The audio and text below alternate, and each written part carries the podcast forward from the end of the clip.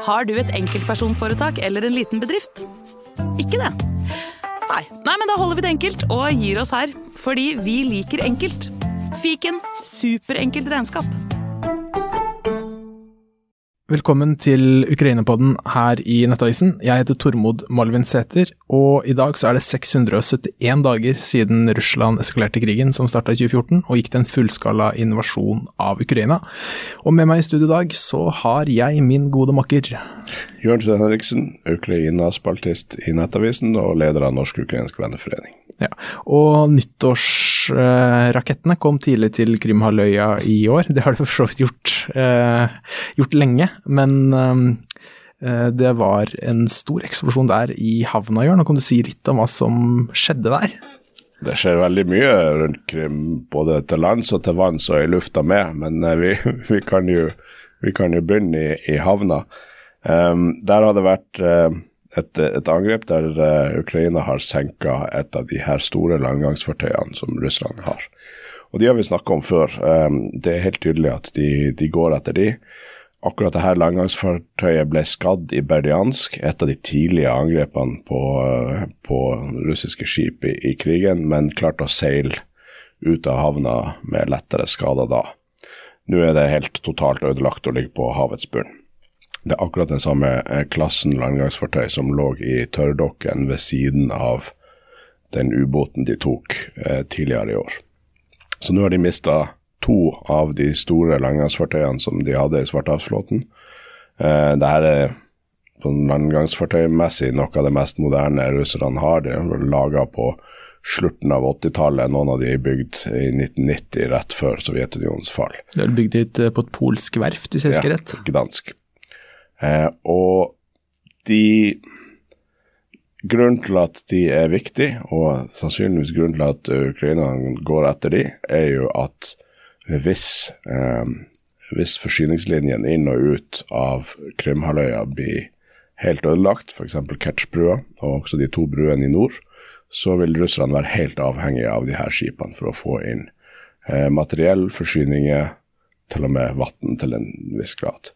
Ja, for Det er også noe som uh, flere russiske mildbloggere har vært ja. ytra en bekymring for, i, spesielt i etterkant. da. Blant annet denne Romanov, som er liksom en av de større militærbloggerne, som også ofte viser seg å være ganske troverdig. Altså, han kommer med mye tull, han også, men, mm. men ofte, som bl.a. under frigjøringen av Kherson i fjor, mm. så var han en av de første liksom, som meldte at nå, nå har Kherson falt. Uh, og, og, hvis han kommer med dårlige russiske nyheter, så stemmer det ofte. Og han er en av de som trukket fram det her som Eh, bekymringsfullt, da, sett med russiske øyne, at eh, det, det, det vil lamme eh, russisk logistikkevne, fraktevne, hvis eh, både denne catch-brua mellom Russland og Krimhalvøya eh, settes ut av spill igjen, ja. og samtidig eh, for landforbindelsen fra Krim til de russiske okkuperte delene av fastlands-Ukraina.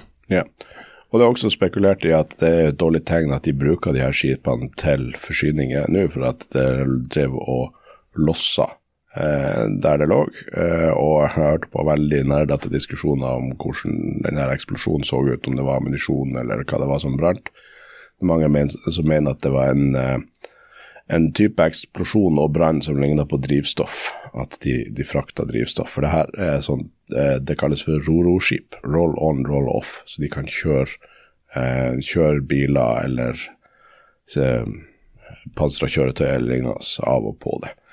Og eh, det burde være mye enklere å kjøre tog med denne typen materiell, særlig drivstofftog, eh, over Catchbrua. Men av en eller annen grunn så, så virker det som at det var om bord på denne båten. Så det kan være at forsyningslinjene deres er ganske anstrengt allerede. Og nå har det blitt mye verre med at dette skipet ble senka. Ja, og Det har også vært rapporter om at uh, dette skipet skal vært lasta med Shahed-droner, mm. iranskproduserte droner. Uh, men vi vet vel egentlig ikke akkurat hva som var om bord? Der, og, og um, det, det, det, er veldig mange uh, rapporter og teorier om hva som var om bord. Jeg har også hørt om de her dronene, men, men, masse andre ting. Og det, det er veldig vanskelig å vite. Uh, derfor jeg syns denne diskusjonen av folk som har peiling på eksplosjoner og kan liksom, analysere flammene, at, at, det er en, kanskje den beste pekepinnen vi kan få. Det kan mm. godt være at det var masse skihydroner om bord også. Det får vi jo håpe. Uh, men men uh, i alle fall en veldig stor seier for Ukraina, og en, noe som burde få bekymringsrynker i panna til de som eh, russerne som er på, på Krimhalvøya, at den her eh, har gått til bunns. Hvis det er plass til flere, si. Ja. Um, og uh, Russland er jo som vanlig ikke veldig åpne om konsekvensene av, av tapene sine. Så de har sagt at det har vært én person som er drept eh, etter denne eksplosjonen her, og fire skadd, hvis jeg husker riktig. To av de på sykehus og én i mer alvorlig Og en av disse to på sykehus er ganske alvorlig skadd. Men det er et russisk eh, de kaller seg en uavhengig nyhetstjeneste som heter Astra, som opererer på Telegram. Jeg kjenner ikke veldig mye til dem, men jeg ser det blir referert av, til av flere andre som jeg stoler på. Og De skriver at det er ganske mange som er savna. De skriver at det er 33 eh, sjøfolk, eller ja, seilere, eh, som er savna etter eksplosjonen, og 23 skadd. Eh, så det er vel rimelig anta, hvis, hvis disse tallene her stemmer, fordi det her er ikke Uh, det, er, det, er ikke norsk presse som melder det her, vi, vi, kjenner ikke helt til omstendighetene, og det er anonyme kilder som uttaler seg. Men det er vel troverdig at det er eh, flere enn én person drept og fire skadd etter en så stor eksplosjon. For det er jo en enorm eksplosjon. Ja, og det er jo Jeg, jeg syns det der høres ut som uh, rimelige tall.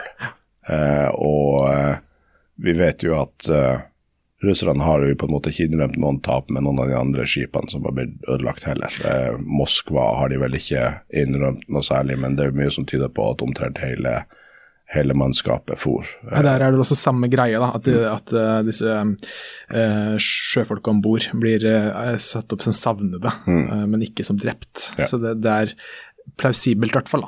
Ja. Selv om vi ikke har noe håndfast å gå etter, og det vil vi antageligvis heller ikke få Nei. i år, i hvert fall. Mm. Nei. Eh, så det er i hvert fall det er den sto, virkelig store nyheten over eh, julehelga som jeg på en måte vil hente ut som I hvert fall med tanke på størrelse på eksplosjonen, men det har ja. skjedd andre ja, ting også. Ja, det og det tapet de har hatt av fly. Og ja. de to hendelsene har jo også en link, for at uh, før vi forlater uh, det skipet som er senka, så en ting er jo at de har lyktes med å senke det, men en annen er jo at de har uh, for det her er jo ikke i, i, Sevastopol, det er jo i havn helt øst eh, på, på Krimhalvøya. Og det er ganske imponerende at de har klart å trenge gjennom med, med missiler, eller hva, unnskyld, hva enn det de har angrepet med og, og truffet. For uh, russerne skal jo i utgangspunktet ha fungerende luftvernsystem og fly uh, i området som skal, skal hindre sånne her ting. og en ting som jeg har hørt mye diskusjon om med dette angrepet, er at ved tidligere angrep så har du hatt aktivt luftvern i gang, som har skutt opp missiler, og du har hatt en indikasjon på at her var et angrep i gang. Men at det ved dette angrepet ikke var det. At eksplosjonen var på en måte det første som skjedde. Mm. Eh, og så har Ukraina sagt at de har brukt Storm Shadow, men eh, Kanskje stemmer det, kanskje stemmer det ikke. Kanskje sier de det for å dekke over eh, et annet våpen de har brukt, eller kanskje de bare liker å herje litt med, med russerne som prøver å finne ut hva som foregår. Så um, Ukrainerne har høy troverdighet når de sier noe, men akkurat med hvordan de har gjennomført dette angrepet, så har jo de høy interesse av å drive med misinformasjon. Så, så vi vet ikke helt hva som har skjedd, men det er imponerende at de har klart å gjennomføre et sånt angrep. Ja, og Storm Shadow var dette britiske produserte og britisk donerte missilet mm. som Ukraina har fått og hatt stor nytte av. Og så har det også da den franske Det er vel ikke søskenbarn, men uh, franske broren da, eller søstera mm. som heter Skalp. Uh, som er egentlig Det er bare et Storm Shadow lagd av Frankrike. Så det er et yeah. samarbeidsprosjekt mellom Frankrike og Storbritannia. Og så har uh, Ukraina fått begge typer missiler. Yeah. Bare så de som ikke visste hva Storm Shadow var for noe, veit dere det nå. Og du var inne på disse flyene som ble skutt ned, for det var eh, siste arbeidsdag før jul, det var på fredag, da. Mm. Så eh, klokka tolv, norsk tid omtrent, så melder ukrainske luftvernet at de har skutt ned tre Su-34, mm. som er da blant de mest moderne kampflyene som Russland har. De er fortsatt i produksjon. Eh, og det er jo oppsiktsvekkende tall, hvis det stemmer. Og det har vi all grunn til å tro at stemmer også. Ja. Um, russiske kilder bekrefter det samme, at det var fly som ble skutt ned den dagen. Og ja, det er jo, Jeg snakka med Lars Peder Haga, som er førsteamanuensis første ved Luftkrigsskolen her i Norge, og ekspert på russisk og sovjetisk luftdoktrine og luftkamp.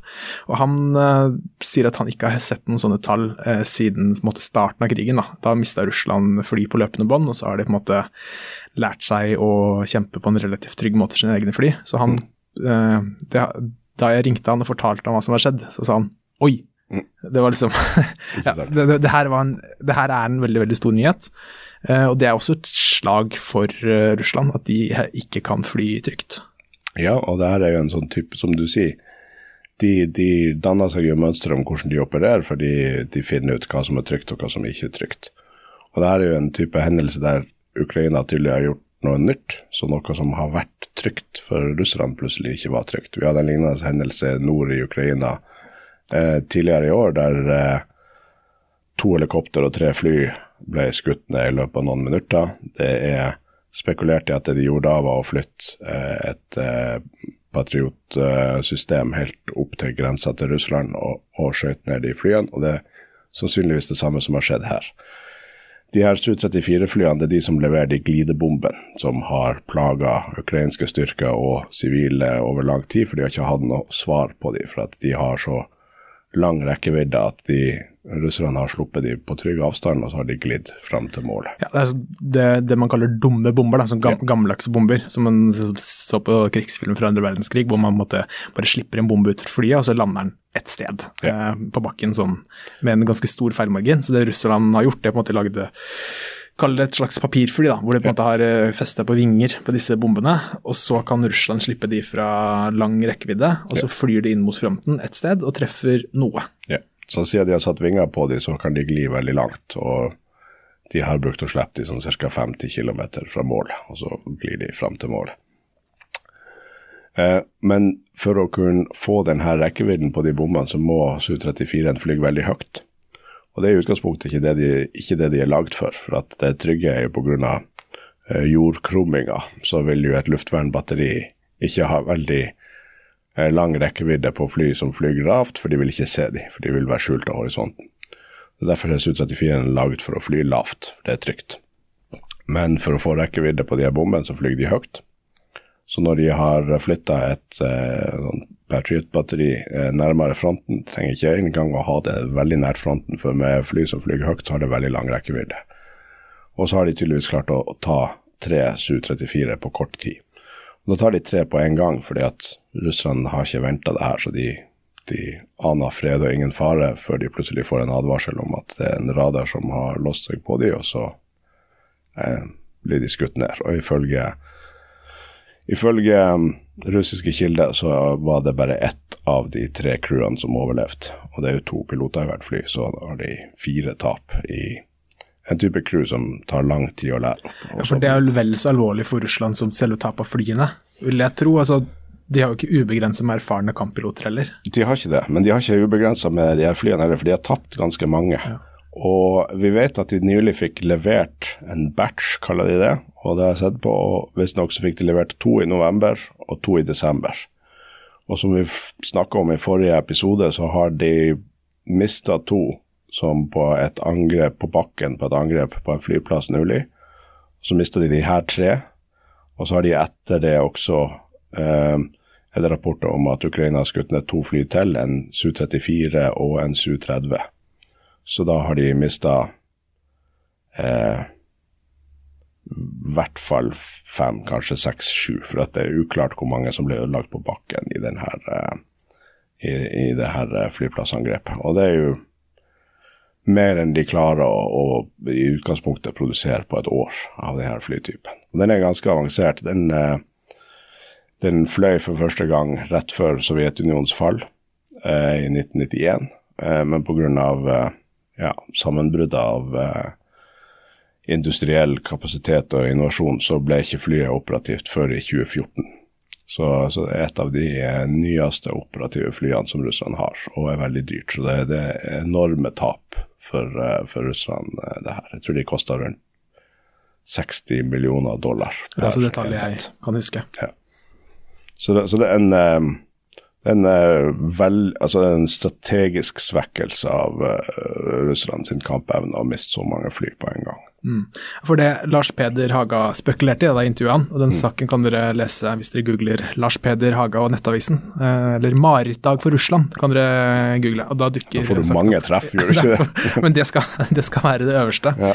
Eh, for det han trakk som, fram som på en måte eh, sine teorier, da, mens det her var veldig veldig ferskt før vi visste mm. noe som helst, egentlig, var at enten så hadde da det, det, kunne være et dårlig tegn for Ukraina, fordi det kunne tyde på at Russland har prøvd på noe nytt. At de har sett for seg at eh, nå er det ukrainske luftvernet såpass svekka at de kan prøve å fly nærmere fronten mm. enn det de tidligere har gjort. Og på en måte at Russland har hatt indikasjoner på at det står ganske dårlig til på ukrainsk side, og dermed så har det blitt skutt ned. Mm. Eh, og så sa han at det også kan være fordi Eh, Ukraina har, som du sier, flytta fram et sånt Patriot luftvernsystem da, som er amerikansk amerikanskprodusert, til fronten. Og Det er vel det vi har landa på ettertid. da, så er De fleste ekspertene mener det er det som har skjedd. At uh, der det tidligere var trygt for Russland, er det ikke lenger nå trygt. Og Det så vi også i etterkant. Vi fikk rapporter fra ukrainsk side om at uh, denne glidebombingen av fronten i Kherson stoppa helt opp de neste dagene. De fikk ikke en eneste glidebombe, mens de på en vanlig dag kunne få var det 60 eller 80 glidebomber ja. der nede i området. Det har vært et omfattende problem for ukrainerne. og Det er også spekulasjoner nå om at russerne har konkludert med at de ikke lenger skal operere fly fra Krimhalvøya. Um, og da, da, begynner vi virkelig å se at, at du får endringer på slagfeltet, for de har allerede trukket tilbake helikoptrene etter de her etterkomstangrepene på flyplassene. Eh, store deler av flåta er blitt flytta lenger øst, og etter det angrepet vi nettopp snakka om, så kanskje de må flytte enda lenger øst. Og hvis de ikke lenger skal operere fly fra, fra Krimhalvøya også, så, så, begynner de å få en veldig avstand fra eh, baser til fronten, som vil redusere deres eh, kapasitet. Da vil jo Krimhalvøya miste mye av den strategiske betydningen for Russland? den er i hvert fall veldig mye vanskeligere å forsvare hvis vi kommer til det punktet en eller annen gang. At, eh, og det vi har snakka om mange ganger tidligere, er jo hvordan eh, Ukraina bruker marineinfanteri og, og spesialstyrker på sånne raid langs kysten av eh, Krimhalvøya. Når, når de mister nærforsvar av både marine og fly, på Krim, så, så, får eh, de her styrkene også mye større mulighet til å operere. Og, og kan ta mye mer risiko i avstand og hva de har med seg og hvor mange folk de flytter. Sånn. Så det er, det, det, det er interessant, de, de, grepene Ukraina har, eh, har lykkes med. Så er det jo andre spekulasjoner også, og jeg tror at det her er et Patriot-batteri, men jeg forstår de andre spekulasjonene. Eh, en av spekulasjonene er at eh, Ukraina kan allerede ha fått F-16. Jeg tror ikke de har fått det enda, men jeg kan forstå spekulasjonen, fordi at hvis de hadde fått F-16 og vi ikke har visst om det, så ville det ha sett akkurat sånn her ut. Da hadde, en, eh, da hadde det vært russiske fly som har begynt å dette ned uten en åpenbar forklaring. Så, så jeg, jeg, forstår hvorfor det spekuleres i det. En, en tredje ting kan være, og det ene utelukker ikke det andre, egentlig, at de kan ha fått oppdatering på noen av sine MiG-29-fly. For at vi vet at i tillegg til de flyene som Ukraina starta krigen med, så har de fått MiG-29 fra Polen og Slovakia, men de polske flyene har vi ikke sett bilder av enda eh, brukt. Og de hadde en type infrastruktur om bord. De har fått noen Nato-oppdateringer som vil gjøre det lettere å få f.eks. en moderne radar satt inn i de flyene. Og har har de lyktes med det, har de fått gjort det, så kan de flyene plutselig skyte amerikanske AMRAM-missiler. Ja, for det var den tredje teorien da, som ja. Lars Peder Haga trakk frem, at Ukraina har brukt sine egne kampfly til mm. å skyte ned disse tre flyene de tok på fredag. Mm. Uh, så det på en måte spiller seg inn i det. Og jeg spurte også han da om han trodde F-16 kunne komme på banen. og Det trodde ikke han da, og det er vel heller ingenting som tyder på det enda. Det er jo like rundt hjørnet. Ja. Uh, det nærmer seg. Uh, ja, og så vil det, det at de får, eller at de overtar og, og opererer F-16, betyr ikke nødvendigvis at de kan bruke de på noe fornuftig måte med det samme heller. Det, jo, det vet jo ikke hvor lang tid det tar før, for de er trent i ulike typer oppdrag. Og, men jeg tror at i løpet av 2024, eh, tidlig i 2024, så ser vi at vil vi se F-16 brukt i en luft-til-luft-rolle som vil eh, ha alvorlige konsekvenser for russerne, som vil svekke deres eh, mulighetsrom. Men jeg tror at i løpet av 2024 så vil vi også se at de bruker F-16 til close air support, som vil endre ting på slagfeltet. De, eh, de bruker allerede JDAMs med sine gamle sovjetiske fly. Så når de får til det med, med en uh, Su-25, så vil de i alle fall få det til med F-16 etter en stund. Ja. Men hvis det, det, det, tydeligste tegnet på at dette er luftvern, er jo de to siste flyene som er blitt skutt ned. Og det her er ikke bekrefta informasjon, uh, men, men, det er besnærende rykter, og hvis det stemmer, så, så, er det jo helt tydelig luftvern. Uh, Visstnok, de to siste flyene som ble skutt ned, var en, nok en Su-34, men det siste var en Su-30. En Su-30 er en nyere versjon av en Su-27. Eh, og det var visstnok ute på et sånn Wild Weasel-oppdrag, som er å skal angripe luftvern. Så den var ute og jakta på det her Patriot-batteriet. Og de skal visstnok, eh, tar alle forbehold om at det her kanskje er bare rykter og ikke stemmer, men de skal ha skutt eh, deres versjon av HARM-missilet, som er et missil laga for å gå etter radarer. Ja, så HARM-missilet fanger opp måte, radiobølgene fra radaren, ja. eh, og så skyter dem mot det. da, så ja. det, det, gjør luftvernsystemet veldig veldig sårbart. Ja. Så det er veldig effektivt for å ta ut fiendtlig luftvern. Ja, og det har, uh, HARM har uh, ukrainerne brukt nå i over et år, og har ødelagt mange russiske luftvern med det. Men russerne har sin egen versjon av det. De er ikke like bra som, som, vestlige versjoner, men likevel de har det. Og de skal ha skutt et sånt missil mot eh, den, eh, den, ukrainske radaren, men resultatet skal ha blitt at både det missilet og flyet ble skutt ned.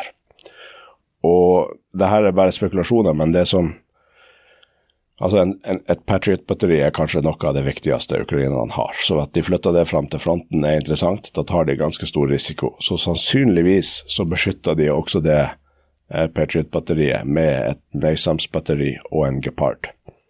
Sånn at eh, det er ikke sikkert at det er Patriot-batteriet som har skutt ned den missilen. Det kan være Nasams eller Geparden også. Og så tapte de flyet i tillegg. Hvis det her stemmer, så viser det jo at russerne ikke har noe effektive mottiltak. Altså Patriot-batteriet er blitt forsøkt lagt med hypersoniske kryssermissiler og, og, og, det meste, eh, og de har ikke blitt tatt. De, de, tar ned det som kommer mot dem, og hvis de også klarer å beskytte seg mot eh, russiske anti-radiation missiles, så, uh, så er det et system som rett og slett vinner på slagfeltet. Ja, og det øh, øh, Vi så jo det allerede i fjor vinter, da Ukraina fikk disse Patriot-batteriene. Så mente Russland at det ville ikke bli noe problem for deres dolk, eh, som de kaller det. Det er vel Kinsal-missilet, som de kaller dolken. og de sa jo i hvert fall én, og hvis ikke flere ganger, at de hadde ødelagt disse Patriot-luftvernsystemet. Men det viste seg gang på gang at det ikke stemmer. Og Russland har jo allerede nå sagt at de har ødelagt minst ett ukrainsk F-16 kampfly, ja. Eh, og med bildebevis. Mm. Eh, så viser det seg at dette bildebeviset de har lagt ut, eh, det er et belgisk F-16 som krasja på en øvingsbane i 2018 eller noe sånt. Så det, det, føyer seg inn i rekken av russisk tull og tøys. Og så skal det også sies at jeg er usikker på om det var russiske myndigheter som sa det her, eller om det var bare en bildblogger. Ja. Men det sier noe om, på en måte, om denne hvor opphauset det blir da, hver gang Ukraina får et nytt, moderne vestlig system, så skal de vise at vi det er ikke noe sak for russerne. Vi, vi, ordner det meste, og så slår det på en måte tilbake på dem etterpå. Ja, de hevder vel De har vel påstått at de har til nå i krigen skutt ned 800 ukrainske fly. Det er jo interessant, fordi at Ukraina starta krigen med rundt 200 fly og har kanskje fått noen og 20-30 til.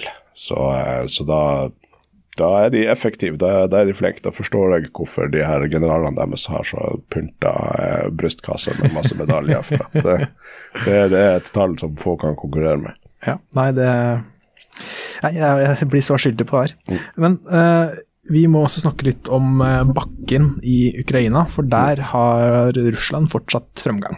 Eh, og en av disse byene som nå vi må anse som tapt for ukrainsk, eh, for, fra ukrainsk side, er Marinka, hvis jeg uttalte det riktig. Det er jo en bitte liten by, 9000-10 000 innbyggere før krigen, eh, Ja. utafor Donetsk Ja. by, stemmer ikke? Stemmer. Der har det vært harde kamper siden 2014. Eh, Russland har gang på gang sagt at vi har erobra byen. Eh, senest eh, for en måneds tid siden så feirer Russland når nå denne byen i, i russiske hender, og så viser det seg at det stemmer ikke, og det stemmer ikke, og det stemmer ikke. Men nå så har eh, altså forsvarssjefen i Ukraina, bekreftet at de har trukket seg ut av byen og muligens har litt fotfeste nord, men altså, byen er eh, ikke under ukrainsk kontroll lenger. Nei. Og hvis man ser på bilder av byen, så er det vel mest presis å omtale det som en tidligere by. Den er jo fullstendig utsletta. Så det er, det er ikke knapt nok ruiner engang. Det er bare mursteinshauger som, som de slåss på. Men det, det stemmer at Ukraina har, eh, har eh, trukket seg ut og har tapt den. Eh, og det er interessant, for vi ser et bilde nå mens de både i Bakhmut og har hittil i Avdivka kjempa veldig hardt for å holde kontrollen i de områdene, så, så begynner vi å se tegn til at de ikke er så opptatt av å holde territorium for enhver pris, og heller trekke seg tilbake for å unngå tap. Eh, og eh, den store faktoren her som vi er nødt til å snakke om, er jo artillerigranater. For de har mangel på artillerigranater. Og i den type sånn menneskelige bølgeangrep som russerne eh, gjennomfører, så trenger du artilleri for å slå det tilbake. Du kan stoppe det på andre måter, men det blir å koste veldig mange ukrainske liv. Og der er en video fra Avdivka om, med en ukrainsk Bradley, som er sånn amerikansk infanteri, eh, infantry fighting vehicle, pansra infanteristøttekjøretøy, som alene eh, går, går til angrep mot en russisk kolonne. Um, det er en ganske imponerende video. Anbefaler du bare å søke på Bradley på Twitter, så er det en av de første som kommer opp. Og de, den Bradleyen angriper flere eh, pansra, russiske pansra kjøretøy samtidig, eh, og ødelegger det angrepet. Og det er isolert sett imponerende at de gjør det.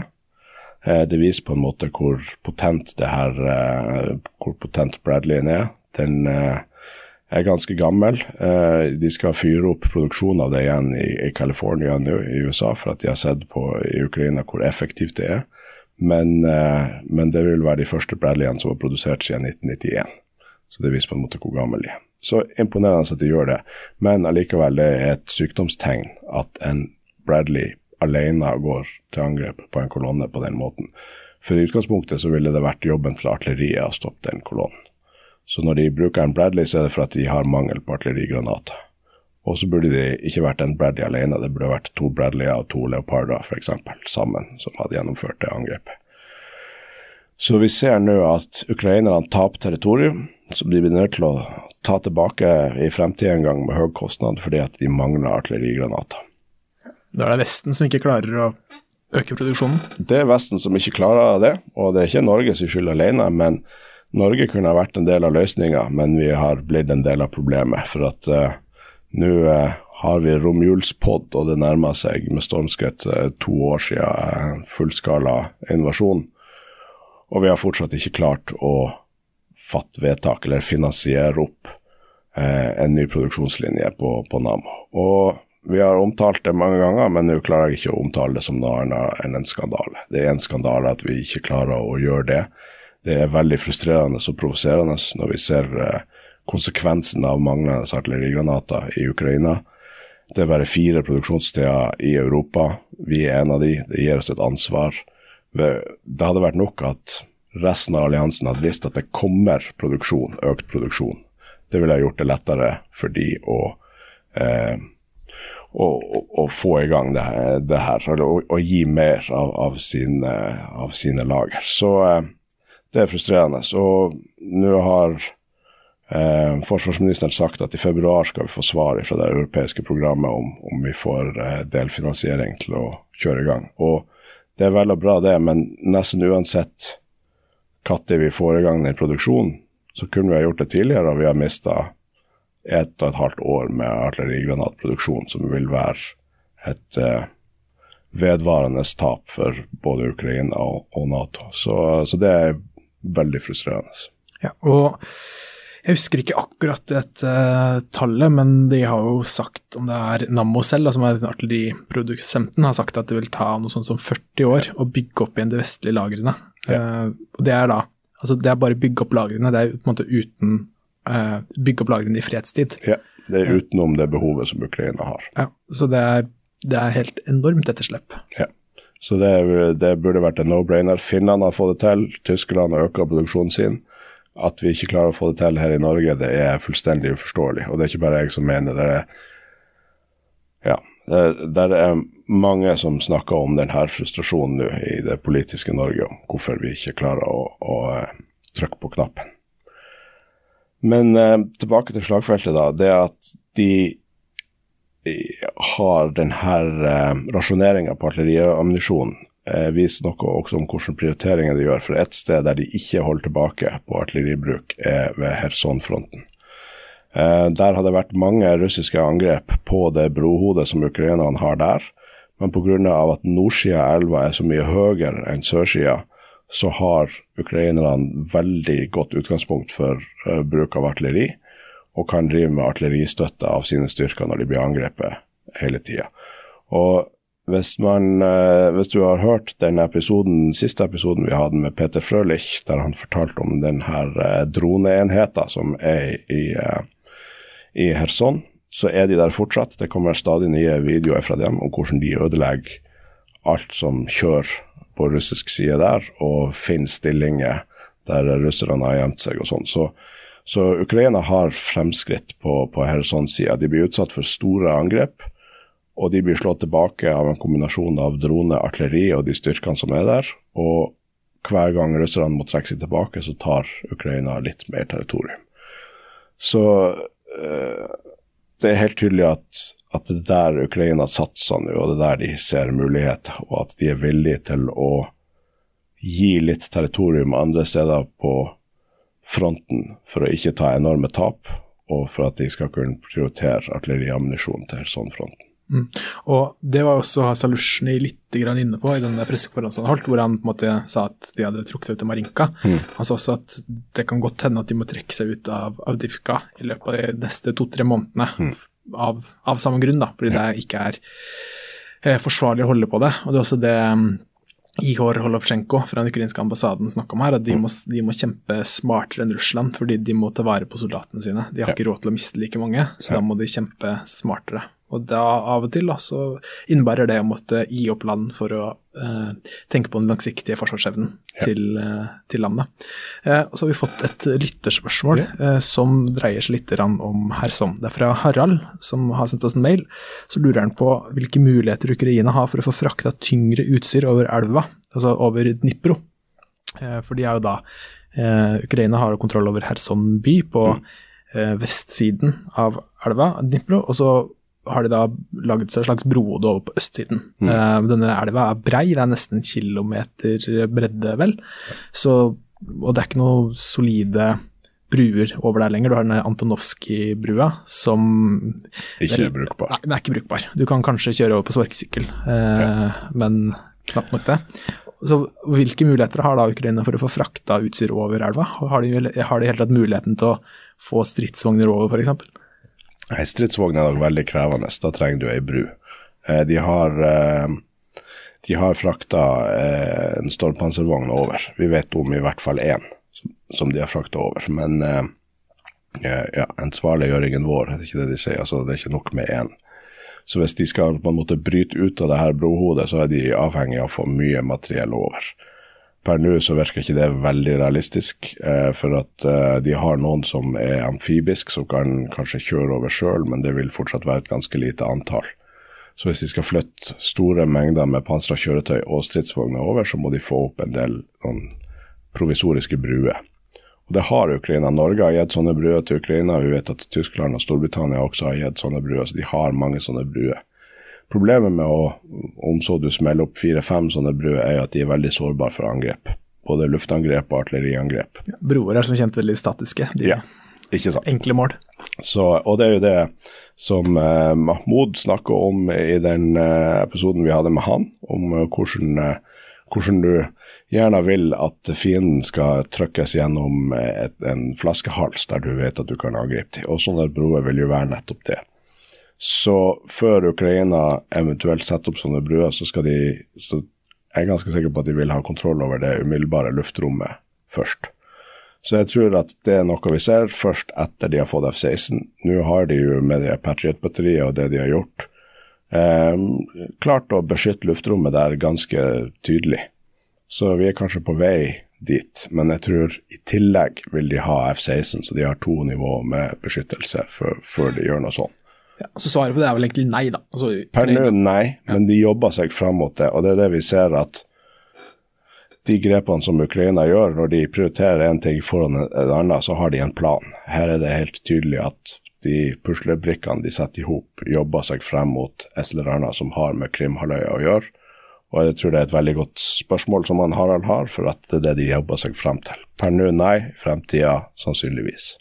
Og det neste Harald spurte om, er da eh, hvilke muligheter eh, Ukraina har for å angripe det, skal se, eh, bruene fra Russland til Krimhalvøya, altså dvs. Si denne Kertsj-brua. Eh, Ukraina har angrepet den, ødelagt den to ganger tidligere. Ja. Første gang i dagen etter Putins 70-årsdag, var det ikke det? I Ja. 2022. eh, Hvor de da sendte en lastebil fullasta med sprengstoff, som virkelig Altså, den smadra jo deler av brua og satte jernbanedelen i full fyr. Og så fikk de fiksa det. Eh, og sånn tålelig, i hvert fall. Sånn. Ja. Trafikken ble iallfall satt i gang igjen, uh, delvis. Og så kom det et nytt ukrainsk uh, angrep, denne gangen via en sjødrone som eh, ødela helt veitrafikken. Ja. Men det var vel fortsatt mulig å kjøre passasjerbiler, eller vanlige personbiler, heter det, over brua relativt kort tid etterpå. Jeg ville nok ikke satt meg inn i en sånn bil som skulle kjøre over den brua, for den så ganske sketchy ut. Tror Men eh, HMS-messig så er ikke det å anbefale. Nei, men det kan hende at de har andre HMS-standarder eh, der borte.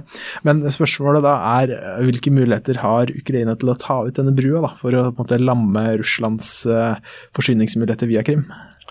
Jeg tror, altså sånn som jeg leser situasjonen, så tror jeg de har den kapasiteten allerede. Så grunnen til at catchbrua står, er for at Ukraina lar den stå. Eh, og det virker det som med de to bruene i nord også. Altså nord, det vil da si eh, mellom eh, fastlands-Ukraina Ja. og Krimhalvøya. Ja, ikke sant. Eh, og det, altså, når Ukraina på et eller annet tidspunkt bestemmer seg for å ødelegge de her, så har russerne eh, en, en plan B, eller de omstiller seg og så gjør de et eller annet. Så enhver, en sånn ødeleggelse, ethvert grep Ukraina tar, er alltid midlertidig. Eller i hvert fall til en viss grad, eh, før de får kompensert for det. Så de vil gjøre det på et tidspunkt som passer dem veldig godt.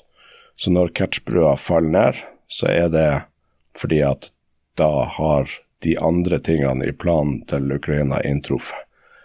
Eh, og så tror jeg også det er et element at etter hvert som temperaturen på Krim går opp, så håper Ukraina at flest mulig av de russere, russiske settlerne som, som er på Krimhalvøya, skal dra først.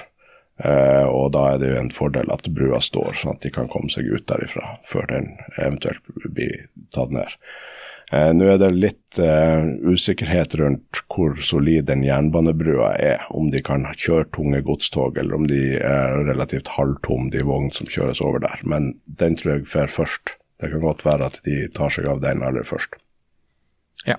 Og, og det er også det Jernbanen er det viktigste transportmiddelet for russisk jern. Det er den, den de på en måte er, ja, de er rett og slett helt avhengige for å få frakta forsyninger til, eh, til soldatene. Og Én en ting er å frakte tunge stridsvogner og ammunisjon. Altså, jeg, jeg har aldri båret en ammunisjon eller artillerigranat, men det er tungt, tungt, tungt utstyr. Og det går tusenvis hver dag. Det er vel nærmere 20 000 artillerigranater som skytes fra russisk side, er det ikke? Ja, det har i hvert fall vært det i perioder. I begynnelsen av krigen mye mer, men uh, nå er det rundt der. Ja, eh, så, så det her er mange, mange, mange mange tonn som fraktes, uh, som må fraktes fram til fronten hver dag, og ikke minst drivstoff. Eh, Det går enorme mengder drivstoff her.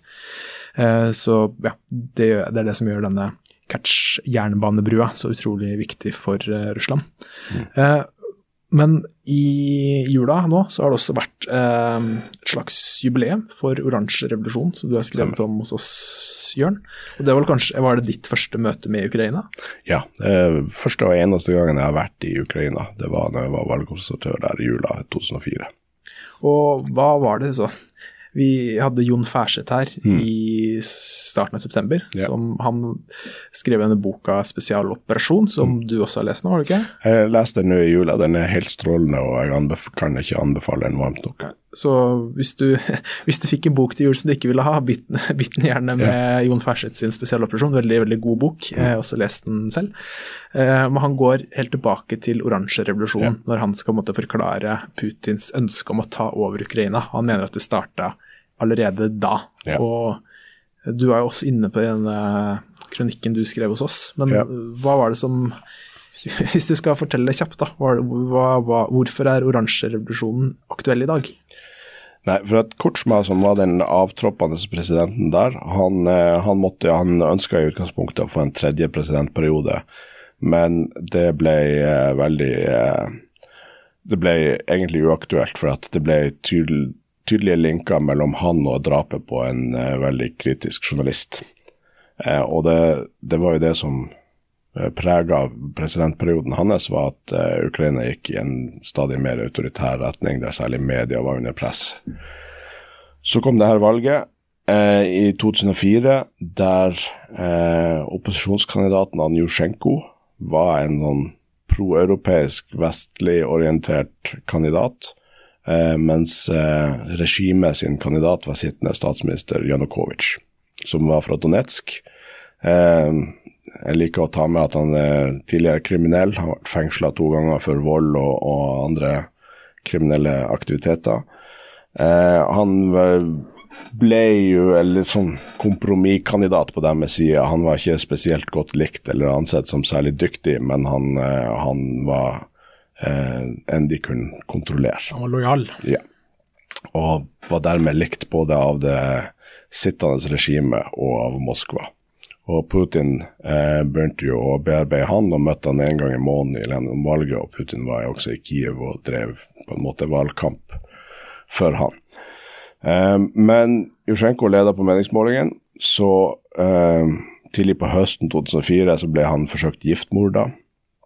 Eh, og ble fløyet til, eh, til Østerrike. Overlevde så vidt, men eh, kun to uker senere så var han tilbake og drev valgkamp i Ukraina, men da med et vansira ansikt, som er kanskje den tingen de fleste husker fra, fra den valgperioden der. Eh, andre valgomgang Jusjenko leder på meningsmålingen, men pga. valgtriksing og særlig på sånn sentralt på, på, på, de tallene som kom inn der, så satt eh, Janukovitsj-folkene og, og endra på det. Så de offisielle tallene viste Janukovitsj seier. Og det var da oransjerevolusjonen starta, for det ble oppretta en sånn teltleir på Maidan-plassen, på uavhengighetsplassen, på akkurat samme måte som Euromaidan. Det har gått litt i glemmeboka nå, men det her var første runden. Um, og det ble over 100 000 mennesker som, i en teltleir der. Og på den største demonstrasjonen, jeg tror det var to dager etter andre valgrunde, så var det en halv million mennesker som marsjerte mot parlamentet. Um, presset ble så stort at til slutt så sa Høyesterett at de ønsker å annullere valget, og sittende president Kutschma godkjente det, og det ble skrevet ut en ny valgomgang 26.12. Da ble antallet valgobservatører dobla. Um, og vi var en gruppe på 18 norske studenter fra Norsk studentunion, Norsk uh, Studentenes Landsforbund og BI-studentene som reiste bort dit. En utrolig fantastisk opplevelse. Husker julaften. Og da, altså, Det var jo folk som feira jul på det tidspunktet da, men nå har de jo flytta jula, som vi har snakka om. Så, eh, så, det var jo på en måte en vanlig arbeidsdag. Vi var ute på en restaurant der eh, og satt så lenge at vi bestilte middag nummer to etter hvert. Og jeg husker jeg spurte en av servitørene etter hvert når er det dere stenger. Da smilte hun bare og sa at vi stenger når dere går.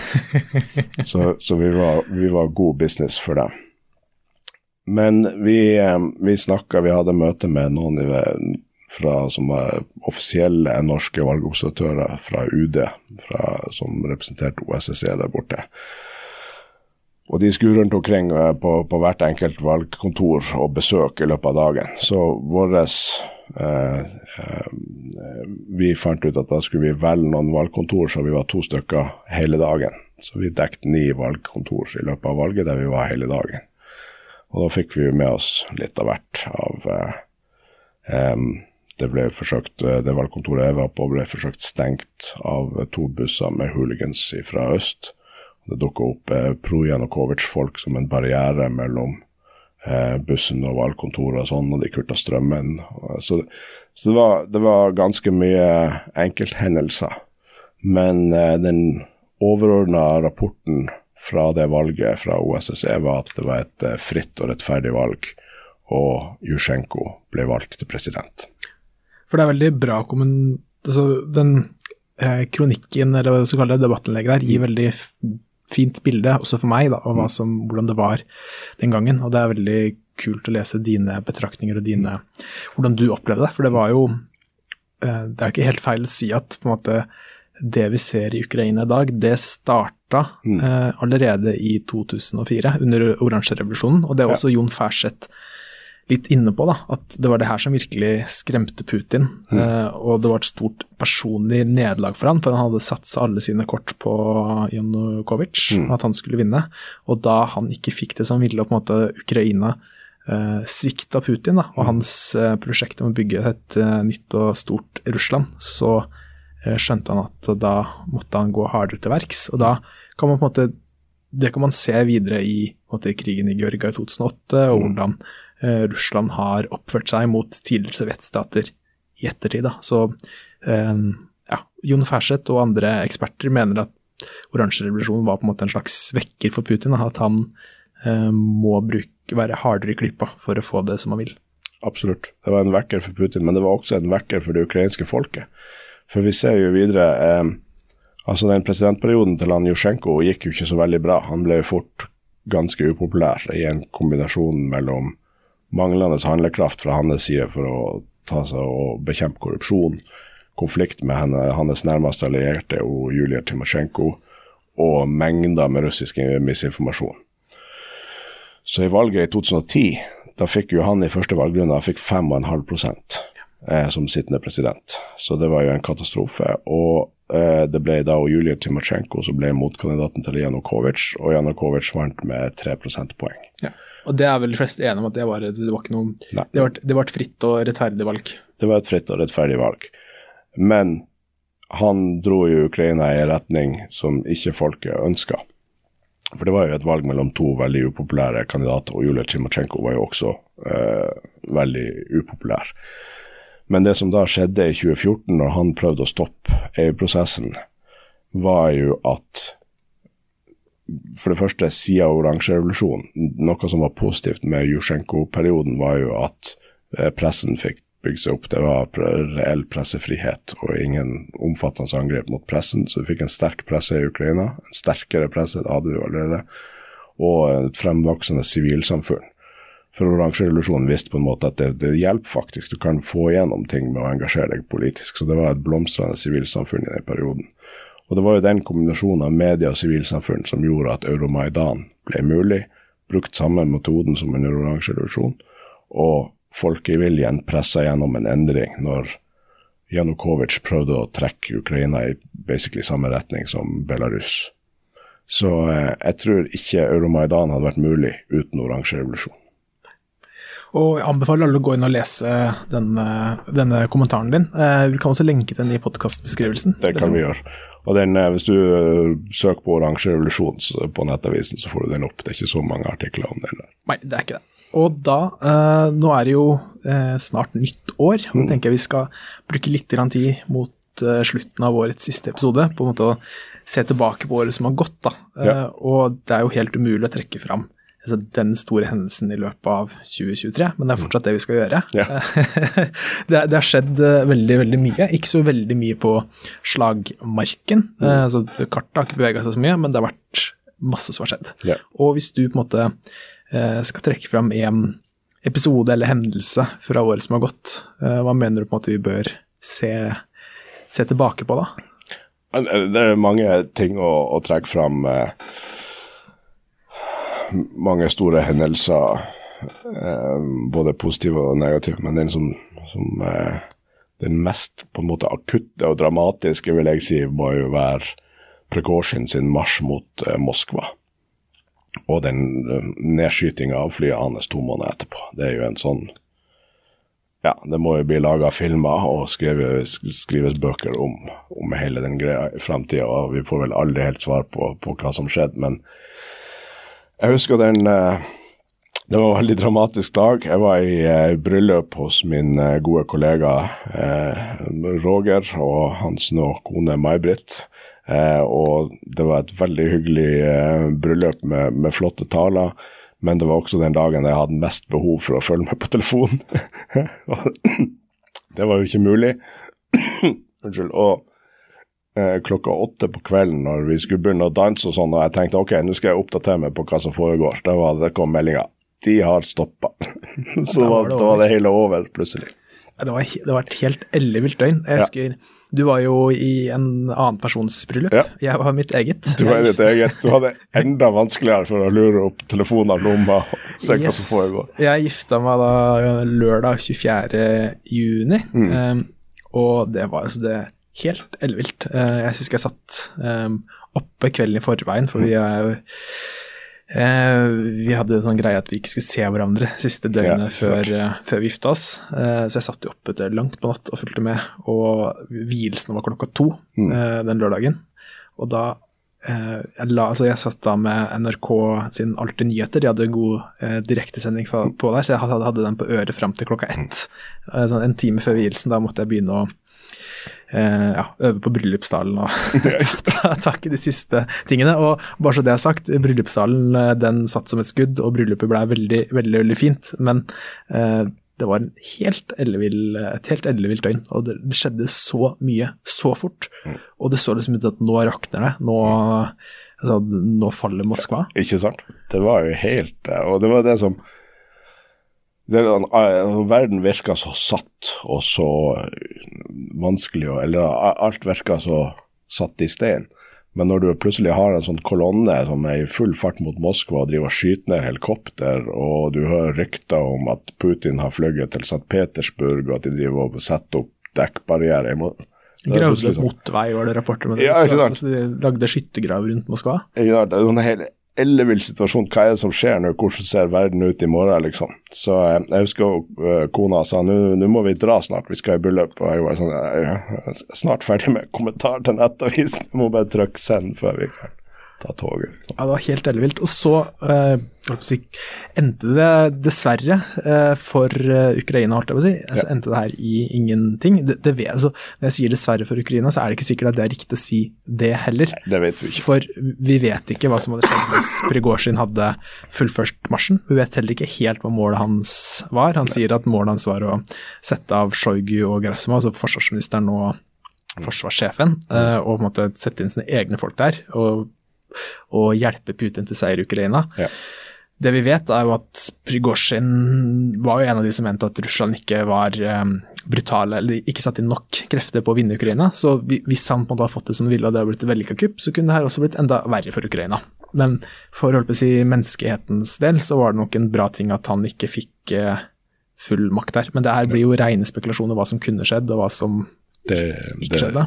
Det er sant. Det hadde vel sikkert på en eller annen måte vært kunne vært positivt for Ukraina med det er jo ikke med kaos i Moskva og maktkamp og, og sånne ting. Eh, men hvis han bare har overtatt makten og, og blitt like mektig som Putin var, så hadde det kanskje vært negativt. Men, men uansett. Eh, Prigozjin var et helt forferdelig, helt unikt forferdelig menneske som har eh, stått bak eh, massakrer av folk både i Syria, Afrika og i Ukraina. Eh, sånn at eh, da han ble skutt ned, så var jo det på en måte en sånn maktdemonstrasjon for Putin. Det er jo i utgangspunktet ikke noe fan av, men, men samtidig at uh, Pregosjin forsvant, uh, mener jeg gjør verden til et bedre sted. Og jeg skrev da en slags nekrolog for, uh, for Pregosjin, som du også finner hvis du, hvis du søker på det på, på, Nettavisen, og den mener jeg står seg i dag òg. Uh, som ikke akkurat var et hyllest til et forferdelig menneske som forsvant. Absolutt. Og ja, ja, det Ja, det, det var noen elle, et ellevilt døgn, noen elleville timer. Og så er det det som Hans-Wilhelm Steinfeld vel sa, så NRKs mangeårige korrespondent i Moskva, Ja. sa at sånne autoritære regimer som, som Russland er i dag, de er utrolig stabile, helt til de ikke er det lenger. Ikke sant. Og, og når demningen først brister, så faller det gjerne som et korthus. Og denne gangen holdt regimet, og så er det store spørsmålet når og om det her skjer igjen, og hva som vil skje da. Ja, Det er et veldig godt poeng av Steinfeld. Jeg husker veldig godt når jeg tok politisk idéhistorie på, på videregående, så hadde jeg en ganske gammel bok. Den var trykt i 1990. Hele siste kapittelet i boka handla om fremtidsscenarioer for hvordan Sovjetunionen skulle utvikle seg. Det er ingen, ingen idé der om at eh, Sovjetunionen kanskje skulle opphøre å eksistere. Så det, det er uforutsigbart. Men nå har jeg tatt litt sånn, den, den åpenbare kirsebæret, men hva du vil trekke frem som eh, det mest ekstraordinære i 2023, da? Det må jo være Russlands nederlag i Svartehavet. Altså hvordan eh, de har blitt pressa ut av Krimhalvøya, stort sett. eh, Og Ukraina eh, har klart å ta kontroll om de ikke har tatt kontroll over Svartehavet, så har de i hvert fall klart å frata Russlands kontroll over Svartehavet. Det var eh, krisestemning da dette, denne kornavtalen mellom Russland og FN og Ukraina og FN, for det var da to separate avtaler, eh, da den ikke ble fornya av Russland. Eh, for da skjønte man ikke hvordan Ukraina skulle få ut korn, eh, som var særdeles, er særdeles viktig for Ukrainas økonomi, som nå allerede ligger nede ved brukket rygg. Og måten Ukraina har klart å rydde opp i Svartehavet og presse Russland tilbake, er jeg tror er vanskelig å forstå hvor, både hvor viktig det er, og hvor imponerende det faktisk er. Altså, det her er et land uten marine som har eh, pressa ut en av, det, en av de største og det man trodde var viktigste, eller kraftigste, mektigste marine i verden. Ja. Det, er, det er helt eh, Det er nesten ikke til å tro hvordan de har fått det det til. helt utrolig. Og det er litt sånn for å trekke linjen. Altså, Russerne har vært manisk opptatt av kontroll over Svartehavet siden Peter den store, liksom, og, og Katarina. Og eh, flåtebasen på Krim er mye av årsaken til at krigen skjedde både i 2014 og, og nå. har de, altså de har angrepet Ukraina med absolutt alt de har, og, og det eneste de har klart å oppnå, er å miste kontrollen over Svartehavet. Det er, ja, og det tror jeg også det vil bli skrevet mange bøker om, hvordan Ukraina har gjort det her. Og da vi hadde Ihor Holovsjenko fra ukrainske ambassaden her, så snakka han litt om det. og nå husker jeg ikke de tallene her og nå, men eh, jeg lurer på om det er Altså, de har klart De er nesten tilbake på samme nivå av korneksport eh, ut av Svartehavet som før krigen. Ja. Eh, De eksporterer nå, ifølge Holopsjenko, så eksporterer de mer korn ut via Smartehavet nå enn de gjorde mens denne kornavtalen eksisterte. Eh, Så det her er en Altså, eh, selv om Ukraina i løpet av 2023 har mista Bakhmut, de har mista av Marinka og flere andre mindre byer, så har de da vunnet en altså, gigantisk seier i Svartehavet, som, som er ekstremt viktig. Og det er jo det vi ser, at eh, selv om de har noen taktiske tak på, på slagfeltet, så begynner jo Ukraina å få noen sånne strategiske kapasiteter eh, som lar seg gjøre både på sjøen og i lufta, som, som gjør at 2024 kommer til å bli et ekstremt interessant år. Hvis de da fortsatt får en jevn tilstrømming av pansra kjøretøy og krysser fingrene på et eller annet tidspunkt nok ammunisjon, så kan 2024 bli veldig interessant. Ja. Og vi skal ikke spå i fremtiden. Vi har, eh, vi har vel Én ting kan vi spå, Ja. og det er at eh, Ukraina-podden kommer til å bli veldig interessant i 2024. For at vi er blitt lovt av Forsvaret at enten sjef Sjøforsvaret eller sjef Marin skal komme og besøke oss på nyår. Da kan vi snakke mer om både Svartehavet og det norske prosjektet, norsk-britiske prosjektet å bygge opp Ukraina sin marine. Så det vet vi i alle fall. Ja, vi skal, vi Ukraina-podden skal holde trykket oppe. Vi kommer tilbake ganske fort på nyåret, regner jeg med. Altså, I dag er det onsdag, så vi er vel i starten av neste uke, så er vi tilbake med en ny episode. Vi er klar. Når vi får det til i romjula, så får vi det til på nyåret. ja. Um, ja, og da er det vel egentlig bare å takke for følget så langt. Takk for at dere har lytta. Uh, hvis du fortsatt ikke abonnerer på oss i podkastspilleren din, så abonner gjerne på oss, så du får eh, varsler når nye episoder slippes. Ja. Og det er mange som eh, mangler en ny podkast å høre på i jula, så tips gjerne om oss.